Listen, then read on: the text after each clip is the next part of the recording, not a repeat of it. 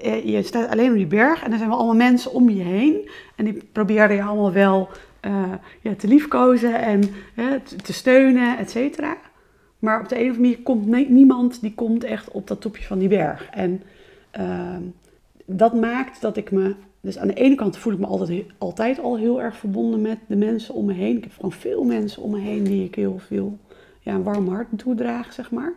Maar toch met die kanker maakt je wel eenzaam en soms juist niet verbonden met de rest van de wereld.